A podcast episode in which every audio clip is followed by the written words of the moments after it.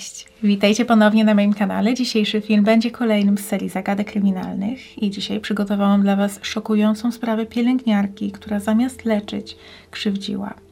Muszę przyznać, że zawsze, gdy słyszę o tego typu historiach, a niestety zdarza się to od czasu do czasu, to odczuwam ogromny niepokój.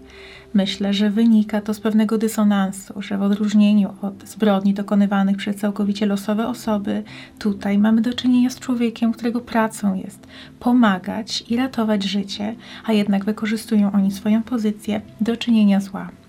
I niestety tak było w przypadku duńskiej pielęgniarki Krystyny Eistrup Hansen. Zanim jednak przejdę do przedstawienia jej historii, chciałabym powiedzieć kilka słów o książce, która zainspirowała mnie do stworzenia tego materiału oraz o sponsorze dzisiejszego filmu, czyli BookBeat.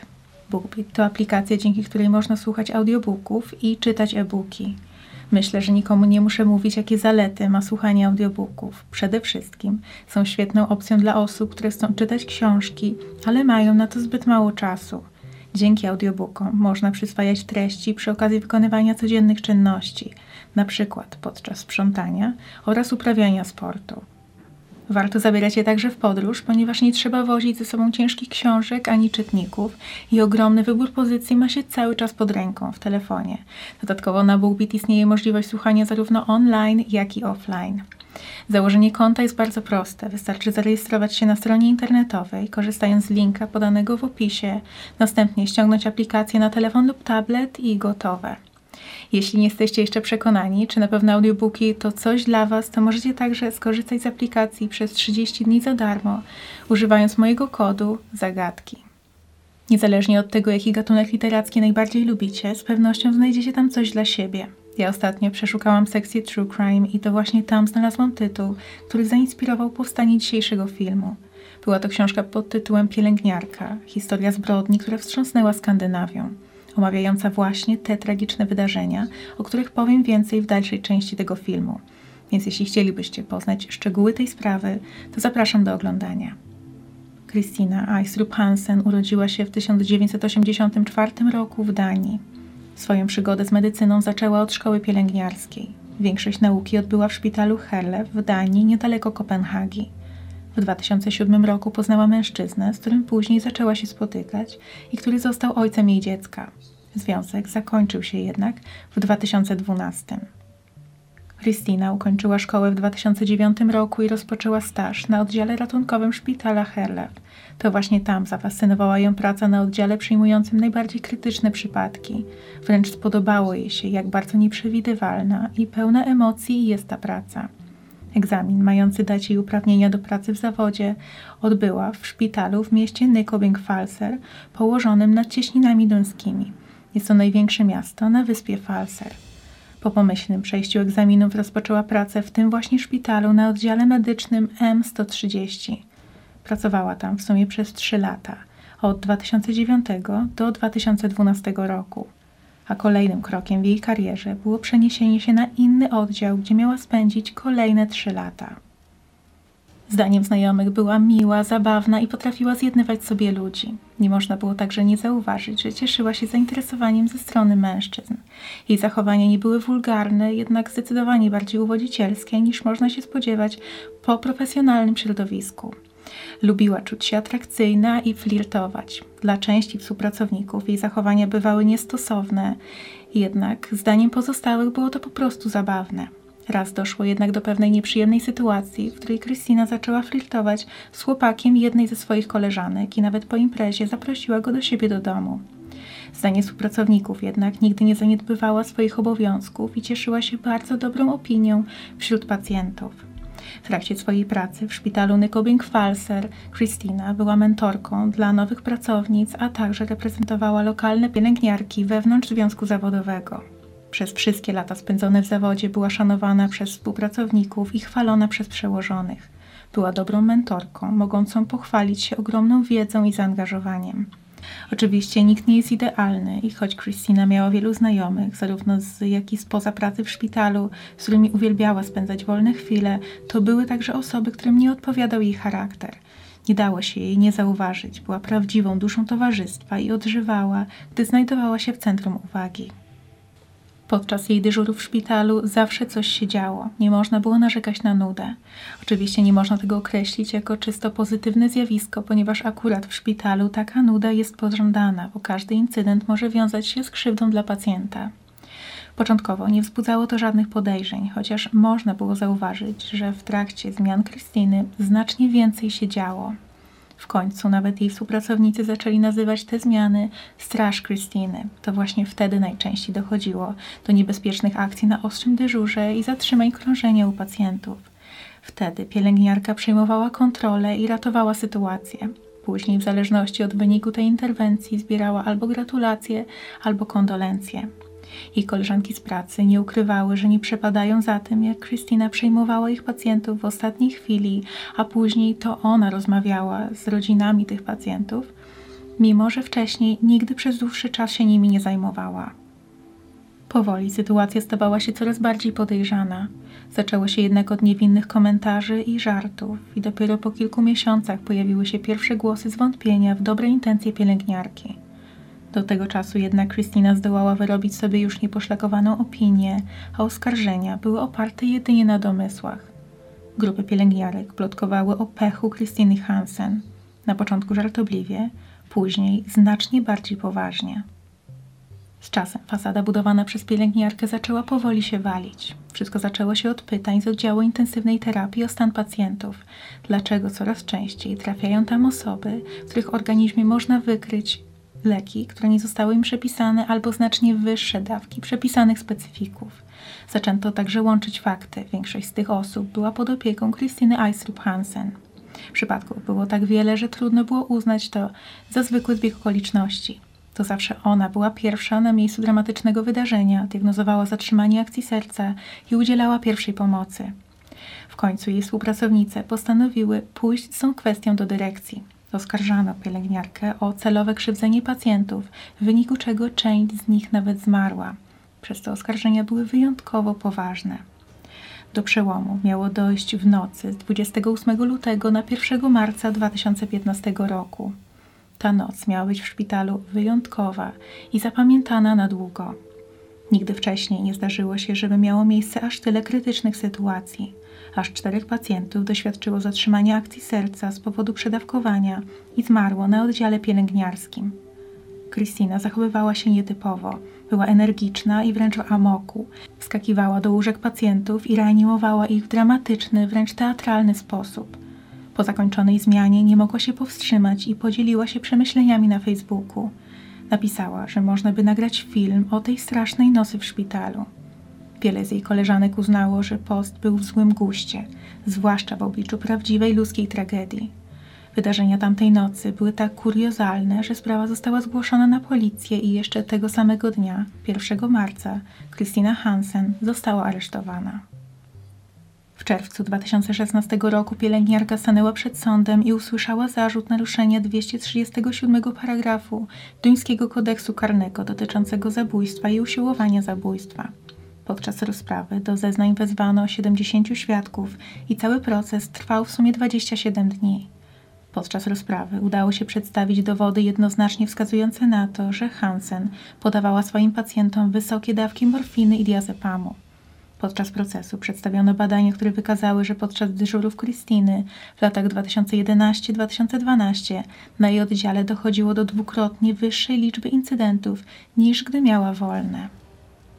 Ostateczny wyrok był skazujący i kobieta otrzymała karę dożywotniego pozbawienia wolności. Wraz z jego wydaniem straciła także prawo do wykonywania zawodu pielęgniarki do końca życia.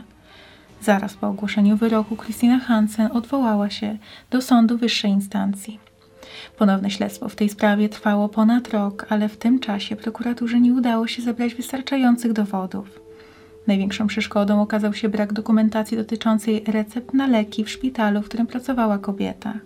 Podejrzewa się także, że ofiar mogło być dużo, dużo więcej. Przede wszystkim mogły to być osoby, które miały tylko lekkie objawy w wyniku tej zbyt dużej dawki leków, albo takie, które udało się uratować i nie sprawdzono, jakie były przyczyny tego nagłego pogorszenia się ich stanu zdrowia. Możliwe więc, że w tej sprawie to tylko czubek góry lodowej. Sprawa trafiła wtedy do Ostre Landstret, jednego z dwóch duńskich sądów najwyższych, które działają jako sądy cywilne oraz karne sądy apelacyjne. Dowody techniczne nie były wystarczająco mocne, żeby móc podtrzymać kary dożywotniego pozbawienia wolności. Sąd podkreślił, że nie ma wątpliwości co do nielegalnych działań podejmowanych przez Hansen i tego, że jej nadużycia nie były wynikiem nieświadomego błędu w leczeniu ani pomyłki podczas wydawania dawek leków. Problem tkwił jednak nie w udowodnieniu czynów Krystyny, a w ustaleniu ich skutków. Rada Służby Prawnej przeanalizowała dostępne informacje medyczne i stwierdziła, że nie można z całkowitą pewnością potwierdzić winy pielęgniarki. Ostatecznie postawiono jej jedynie zarzuty usiłowania zabójstwa, ponieważ zdaniem Sądu Najwyższego nie da się udowodnić, że pacjenci zmarli w wyniku przedawkowania, a nie po części z powodu swoich chorób. Warto także wspomnieć, że oskarżenia dotyczyły poczynań Hansen w latach 2011-12 i nie brano pod uwagę tego, co robiła przez kolejne trzy lata swojej pracy. Ostatecznie 31-latka została skazana na 12 lat pozbawienia wolności i podtrzymano zakaz wykonywania przez nią zawodu. Sama Kristina nie przyznała się do winy i nawet teraz, po sześciu latach, cały czas utrzymuje, że jest niewinna. W tej sprawie warto wspomnieć także o jeszcze jednym aspekcie, który potencjalnie jest jeszcze bardziej szokujący. Podczas gdy o tzw. Tak aniołach śmierci, czyli lekarzach i pielęgniarkach, którzy krzywdzą swoich pacjentów, słyszy się od czasu do czasu, to jest coś, co odróżnia on, od nich Christine Hansen. Kobieta została oskarżona także o działania wobec swojej siedmioletniej córki. W organizmie dziewczynki lekarze wykryli bardzo silny lek nasenny na receptę. Taki specyfik absolutnie nie powinien znaleźć się w organizmie dziecka i podany niewłaściwej dawce, nieodpowiedniej osobie może wyrządzić naprawdę poważną krzywdę. Analizując zachowania Krystyny i historię nadużyć, jakich dopuszczała się zarówno w stosunku do swoich pacjentów, jak i do własnego dziecka, to trudno nie domyślić się, że za tym wszystkim musi kryć się jakieś poważne zaburzenie. Zlecono badanie psychiatryczne i okazało się, że kobieta najprawdopodobniej cierpi na histrioniczne zaburzenie osobowości, które przejawia się teatralnym zachowaniem i niepohamowaną potrzebą bycia w centrum uwagi. W tym zaburzeniu występuje wzorzec zachowań zdominowany przesadnym wyrazem emocjonalnym i chęcią robienia wokół siebie show. Nie wiadomo, z czego dokładnie wynika to zaburzenie, ale podejrzewa się, że może być zakorzenione w niskiej samoocenie. W większości przypadków osoby z tym zaburzeniem mogą całkowicie normalnie funkcjonować w społeczeństwie, tylko na przykład ze względu na swoje zachowania mogą być postrzegane jako głośne, konfliktowe albo nawet denerwujące. Jednak samo zaburzenie nie prowadzi od razu do popełniania przestępstw. Dodatkowo, żeby być w centrum uwagi, mogą na przykład specjalnie upuszczać coś na ziemię albo udawać omdlenie. Bardzo zależy im także na akceptacji byciu postrzeganym jako fizycznie atrakcyjne. Bardzo rzadko będą mieć też odmienne poglądy od większości osób, które je otaczają, właśnie ze względu na tę akceptację. Podczas wydawania diagnoz psychiatrzy patrzą przede wszystkim na dążenie do bycia w centrum uwagi, huśtawki nastrojów, przesadną emocjonalność, uwodzicielskość, łatwe uleganie wpływom otoczenia oraz skupianie się na wyglądzie i fizycznej atrakcyjności. Osoby z tym typem osobowości nie są groźne, ale jak w każdej grupie, nawet osób bez zaburzeń, mogą zdarzyć się wyjątki i bardziej ekstremalne przypadki. Tak właśnie było z Christiną Hansen. W jej przypadku doprowadziło to do krzywdzenia osób dookoła. Zdaniem psychiatrów wydających opinie na jej temat jest oczywiste, że kobieta nie znosiła nudy i wokół niej cały czas coś musiało się dziać. Nie interesowało jej, że dzieje się to kosztem zdrowia lub życia innych osób. Ważne, że ona mogła być w centrum uwagi, że mogła udzielać pomocy i że chociaż na chwilę dookoła panował chaos. To zaburzenie osobowości bardzo często łączy się także z narcystycznym zaburzeniem osobowości i wszystko wskazuje na to, że w przypadku duńskiej pielęgniarki właśnie tak było. To drugie cechuje się manią wielkości, potrzebą bycia podziwianym i co ważne, brakiem empatii i zdolności postawienia się w perspektywie innej osoby. To właśnie tę samolubność można zauważyć w działaniach Krystyny. Nie interesowało ją, kosztem kogo to się stanie. Ważne, żeby ona była w centrum uwagi. Zdaniem prokuratury to właśnie zaburzenia osobowości były głównym motywem przy dokonywaniu przez 31-latkę przestępstw. Prokurator Michael Belsen przed sądem przedstawił tę sytuację jako analogię teatru. Krystyna czuła się najważniejsza, organizowała przedstawienie, a pacjenci byli dla niej tylko jak statyści i narzędzia do osiągnięcia celu. Była przeciętnie inteligentna, ale wiedza, jaką udało jej się posiąść w trakcie lat edukacji i praktyki w zawodzie, pozwoliła jej na wykorzystywanie przewagi nad pacjentami w perfidny sposób. Psycholog Jorn Bickman wydał swoją ocenę stanu Krystyny i powiedział, że jego zdaniem kobieta nie lubiła odbierać żyć. Jedyne na czym jej zależało to uznanie. Chciała być ceniona i popularna wśród swoich kolegów z pracy i otoczenia. Nie mogła znieść tego, że jest tylko zwykłą, anonimową, szeregową pielęgniarką na południu Danii. I podczas gdy z pewnością Krystyna nie jest zadowolona z tego, że została schwytana i trafiła do więzienia, to w pewnym sensie na pewno ta uwaga, którą dostawała w trakcie procesu oraz cały czas dostaje w mediach, musi być pożywką dla jej ego i potrzeby bycia w centrum uwagi. Gdy prawda w końcu wyszła na jaw, jej współpracownicy nie mogli uwierzyć, że przez tyle lat pracowali u boku kobiety, która krzywdziła swoich pacjentów. I to właśnie ten brak wiary i to, że ta cała sytuacja była tak niesamowita, skutkowało tym, że tak długo nie wyszło to na jaw. Prokuratura rozważała nawet wszczęcie postępowania przeciwko osobom, które od dłuższego czasu podejrzewały, że coś może być nie tak, ale nikomu o tym nie powiedziały. W rezultacie to właśnie skutkowało tym, że tak wielu kolejnych pacjentów ucierpiało. Z tego co wiadomo, nie postawiono jednak nikomu zarzutów w związku z tymi potencjalnymi zaniedbaniami. W trakcie procesu okazało się, jak ogromny strach wywoływała Christina. Wydawało się, że była zdolna do wszystkiego, a osoby zeznawające przeciwko niej bały się jej gniewu. Teraz od czasu aresztowania minęło już 6 lat i w marcu 2023 roku Hansen będzie mogła ubiegać się o zwolnienie warunkowe. Z wywiadów ze świadkami wynika, że wiele osób obawia się tego momentu, kiedy kobieta opuści zakład karny. Część z tych osób zdecydowała się nawet zmienić adresy, a nawet nazwiska. I to jest już wszystko, co udało mi się znaleźć na temat tej sprawy. Na ten moment Christina Hansen cały czas przebywa w więzieniu, ale nie wiadomo na jak długo. Jeśli słyszeliście coś jeszcze na ten temat, to koniecznie dajcie mi znać w komentarzach. A na koniec oczywiście jeszcze raz zachęcam Was do wypróbowania oferty BookBeat. Zwłaszcza jeśli jeszcze nie mieliście okazji testować audiobooków. Jestem pewna, że taka forma przyswajania książek przypadnie Wam do gustu. W linku w opisie znajdziecie wszystkie konieczne informacje, a jeśli chcielibyście wypróbować subskrypcję przez 30 dni za darmo, to możecie skorzystać z mojego kodu zagadki. A teraz bardzo dziękuję Wam za oglądanie. Jeśli macie propozycje, o jakich innych sprawach mogłabym powiedzieć w kolejnych odcinkach z tej serii lub z mojej miniserii o sektach, to proszę napiszcie to w komentarzach lub wiadomości na Instagramie.